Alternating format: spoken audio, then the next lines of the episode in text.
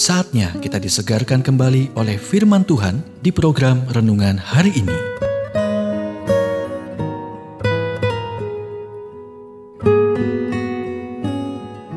Renungan hari ini berjudul Mengalahkan Keegoisan.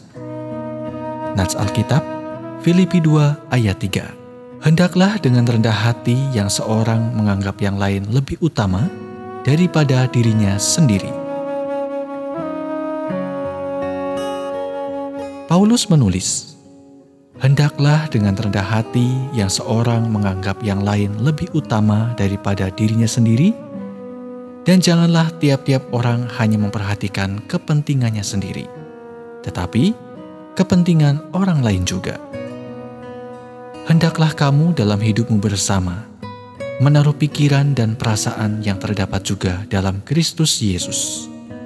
Filipi 2 ayat 3 sampai 5. Pemikiran seperti itu bertentangan dengan naluri alami kita. Tetapi Yesus menunjukkan kepada kita bagaimana melakukannya. Digantung di kayu salib, dia meluangkan waktu untuk peduli kepada penjahat yang dihukum yang tergantung di sebelahnya. Lukas 23 ayat 39 sampai 43.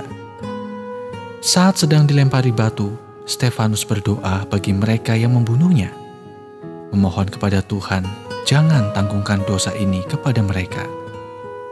Kisah para Rasul 7 ayat 60 Dipukuli dan dipenjarakan secara salah. Paulus dan Silas meluangkan waktu untuk melayani sipir penjara mereka. Setelah Tuhan mengirimkan gempa bumi yang dahsyat, yang memutuskan rantai dan membuka pintu penjara mereka, mereka tetap tinggal untuk tujuan utama melayani penculik mereka. Betapa menggodanya untuk melarikan diri saat ada kesempatan dan tidak mengkhawatirkan orang lain. Tetapi, tindakan kasih mereka menggerakkan sipir penjara untuk bertanya, bagaimana dia bisa diselamatkan?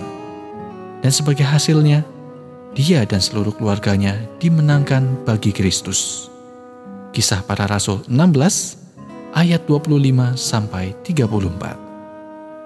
Di dunia yang filosofinya mendapatkan nomor satu, memikirkan diri sendiri adalah naluri Anda agar dapat bantuan Tuhan untuk mengatasi masalah setiap hari. Jika Anda melakukannya, orang akan memperhatikan. Anda tidak akan pernah memenangkan orang lain dengan menjadi seperti mereka. Jadi, inilah pertanyaan yang perlu Anda jawab Berapa banyak teman dan orang yang Anda kasihi yang mengenal Kristus?